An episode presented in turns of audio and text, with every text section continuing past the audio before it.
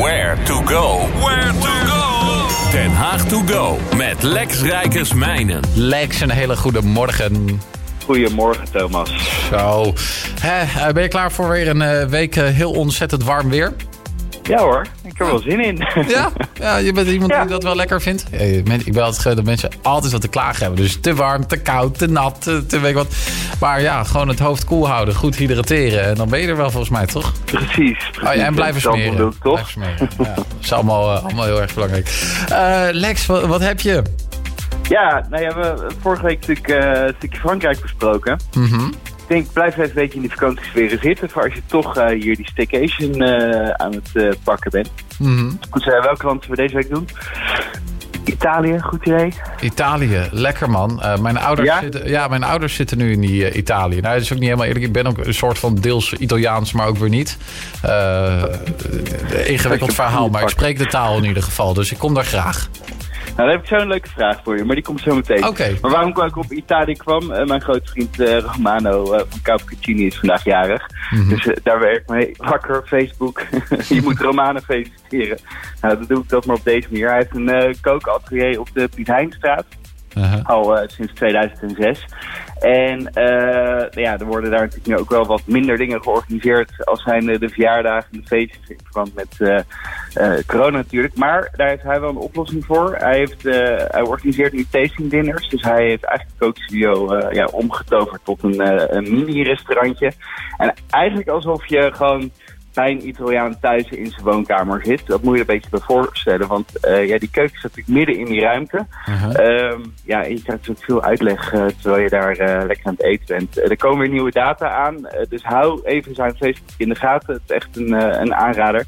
Hij kookt overigens de traditionele keuken van de tweede generatie uit Italië. Daar zijn natuurlijk allemaal heel veel verschillen in met betrekking tot ja, de methodes die worden gebruikt. Maar ook vaak wel natuurlijk verschillende ingrediënten.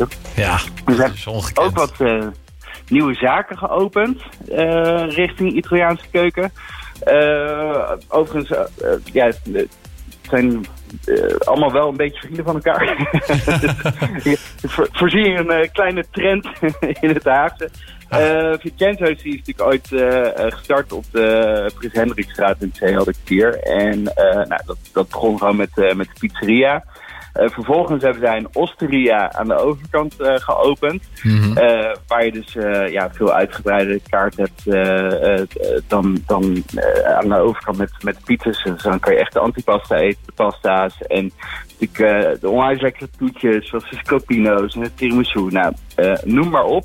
Overigens, Daan die daar in de keuken staat, die heeft vorige week met ons een recept gedeeld van hoe je een perfect dressing kan maken voor over je oesters. die hij overigens weer op de camping heeft bedacht, omdat hij kwam ja, een hele batch tegen. En ik nou, dat is zo goedkoop, het zo lekker. Ik koop er gewoon, gewoon heel veel. Na, na de helft had hij zoiets en er moet toch iets van een vinaigretje op. Nou, dat recept heeft met ons gedeeld, dus dat kan je terugvinden. Maar Vincenzo heeft nu ook op de, in de Zijgelaan een pizzeria geopend. Dus dat is in het staatskwartier.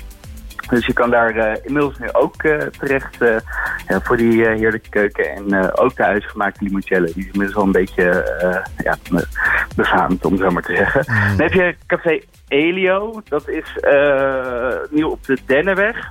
Uh, en dat is eigenlijk uit de koker van uh, Walter Benedict en Franklin. En die maken nu Napolitaanse pizza's. En weet jij toevallig het verschil tussen de Romeinse en de Napolitaanse pizza's? Oh, dat is de vraag die je wilt stellen. Ja. is, is die uit Napoli niet gewoon met, vaak met vis? Is dat het? Nee, nou ja, het, het is vooral uh, bereiding natuurlijk van deeg en uh, uiteindelijk de okay. en de temperatuur van de oven. Dus Mm. ja, dat deeg is natuurlijk het deeg. En uh, Napolitaanse pizza, daar wordt natuurlijk altijd wel gewoon kruikje tomatensaus en mozzarella altijd gebruikt.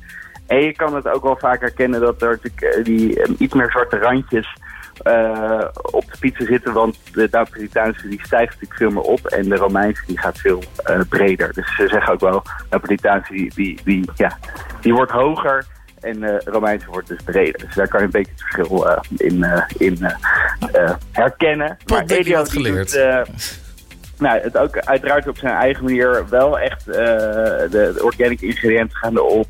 Allemaal hier lokaal verkrijgbaar. En ze gebruiken ook de originele Italiaanse producten die daar daadwerkelijk ook op moeten.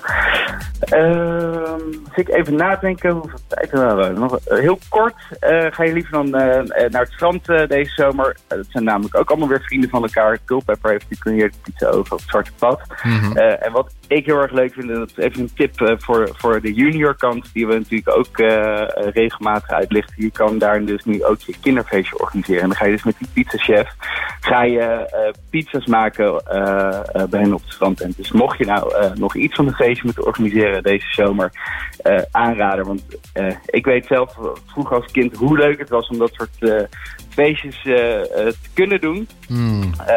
aanraden.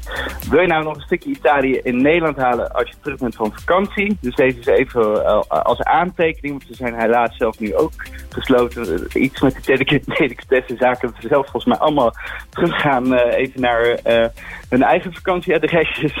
Hmm. maar uh, dat is Italy op de Piet Heinstraat. En dat is ook een familiebedrijf. En zij importeren heel veel Italiaanse delicatessen en wijnen. En Fiorella, ja, die heeft haar winkel helemaal vol staan met authentieke specialiteiten zoals de olijfolie, zoals de balsamico, maar ook heel veel soorten uh, bloem waarmee je dus ook pizza en de pasta uh, kan maken. Dus mocht je nou terugkomen uit uh, Italië deze zomer, zou daarna eens een keer kijken bij Fiorello op de Eindstraat. jij bent natuurlijk ook net in Frankrijk geweest, Lex. de wijn, prefereer je die uit het Franse of uit het Italiaanse landschap? Ik vind beide lekker, maar de voorkeur voor Italiaanse is dan toch de rode. Ja, voor de Franse dan de witte. Ja, oh, je staat er echt exact hetzelfde in als ik sta inderdaad. Gewoon die lekkere, volle, zware rode uit, uit Italië. Met veel smaak erin. En dan die witte die wat... Ja, nee, 100% beet. Lex, uh, dankjewel voor deze toptips. Ik uh, krijg nu al zin in de lunch. Goed zo. Een beetje het, uh, beetje het gevaar ervan.